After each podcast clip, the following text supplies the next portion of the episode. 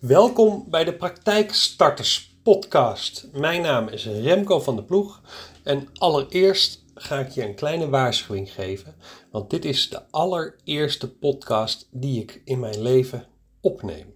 Dus ehm, als ik heel vaak uh, uh, uh, andere geluidjes tussendoor doe, bij deze ben je gewaarschuwd. Ik beloof je, nou dat beloof ik je niet, maar dat hoop ik, dat het uh, in de toekomst steeds minder zal gaan worden en ik zonder e en a en andere geluidjes uh, je mooie verhalen ga vertellen.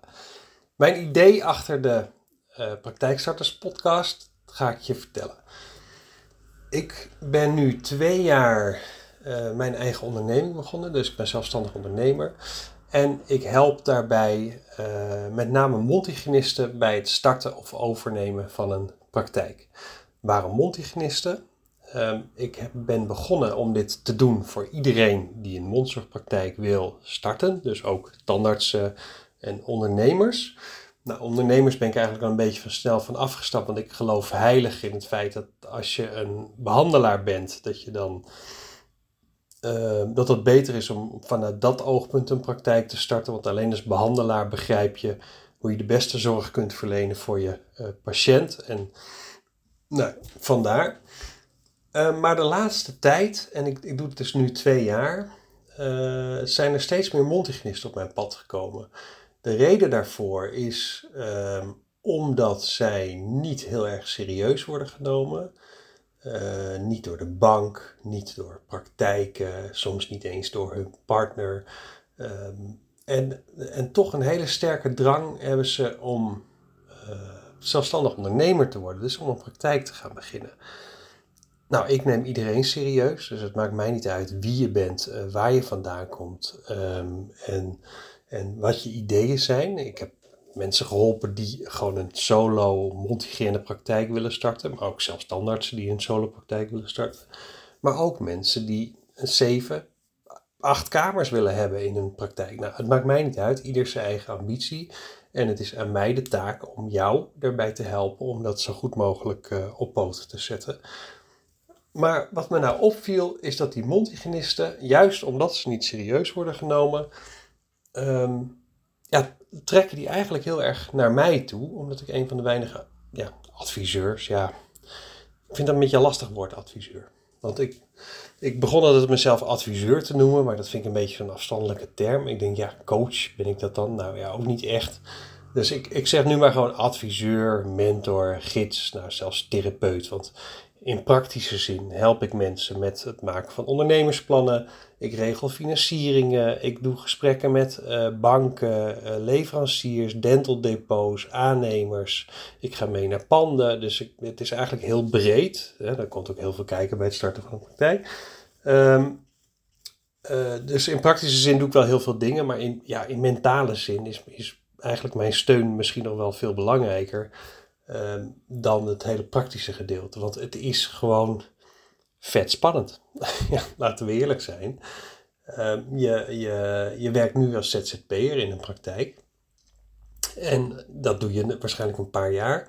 En op een gegeven moment denk je van, joh, dit, dit moet anders. Of je werkt al, je moet alleen maar op oude... Ik heb ook mensen gesproken die moeten alleen maar op oude spullen werken. Die werken op de alleroudste stoel in de praktijk. Terwijl er een nieuwe om de hoek staat, niks te doen.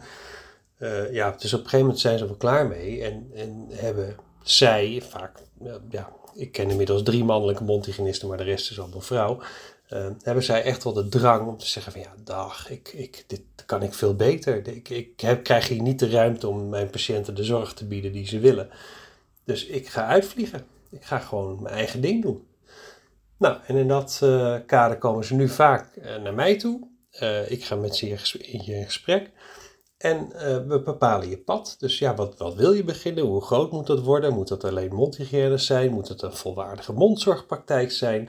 Uh, we kunnen alle kanten op. En uh, dat is een onwijs gaaf traject. Onwijs mooie reis. Maar af en toe vet spannend. En er zullen zat momenten zijn die... Um, ja, waarop je echt denkt van, joh, waar ben ik aan begonnen? En doe ik hier goed aan? En wat, wat moet ik hier in godsnaam mee? Nou, en daar help ik je ook bij. Dus je mag mij gerust s'avonds bellen. En dan, uh, en dan doe ik even een pep talk en dan lachen we daarna en dan gaan we gewoon weer verder. Dus het is gewoon spannend, je eigen bedrijf beginnen. Ik, uh, ik, ik zelf kom uit een situatie waarbij ik en een half jaar voor een dental depot heb gewerkt. Ik was daar verantwoordelijk voor de uh, financiering van praktijken, de fiscale inrichting uh, van het geheel en uh, de praktijkinrichting op het gebied van, van apparatuur. Dus dat was, dat was mijn rol. de laatste twee jaar heb ik in een groot Europees project gezeten. Nou, ik was echt ongeveer niet meer thuis. Dus ja, op een gegeven moment was ik er echt wel klaar mee. toen kwam corona en ik zat een beetje duimen te draaien thuis. Ik had mezelf inmiddels voor de tweede keer bijna in een burn-out weten te werken. En toen dacht ik echt van, nou, dit moet anders. En toen kwam mijn, mijn vriendin, Carola heet ze, die zei op een gegeven moment van, joh, begin gewoon lekker voor jezelf. Je hebt zat netwerk, je draait al meer dan twaalf jaar mee in, in de mondzorg.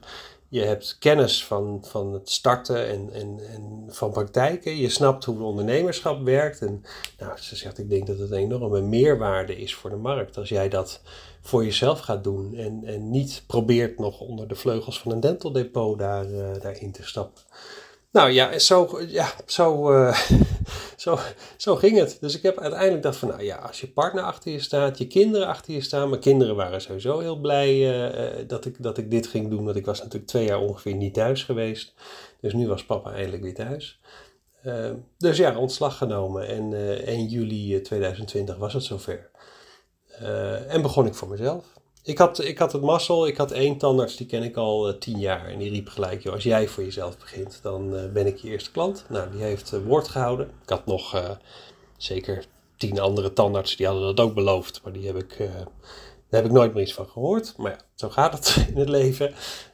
en ik had een andere tandarts en zij, moet ik zeggen, die belde mij een maand voordat ik ontslag zou gaan nemen. Van joh, ik wil een eigen praktijk starten en moet geheim blijven. Dus ik zeg nou, ik heb ook nog wel een geheimtje. Ik ga voor mezelf beginnen en ik kan jou wel helpen. Nou, dat waren dus eigenlijk mijn eerste twee uh, klanten.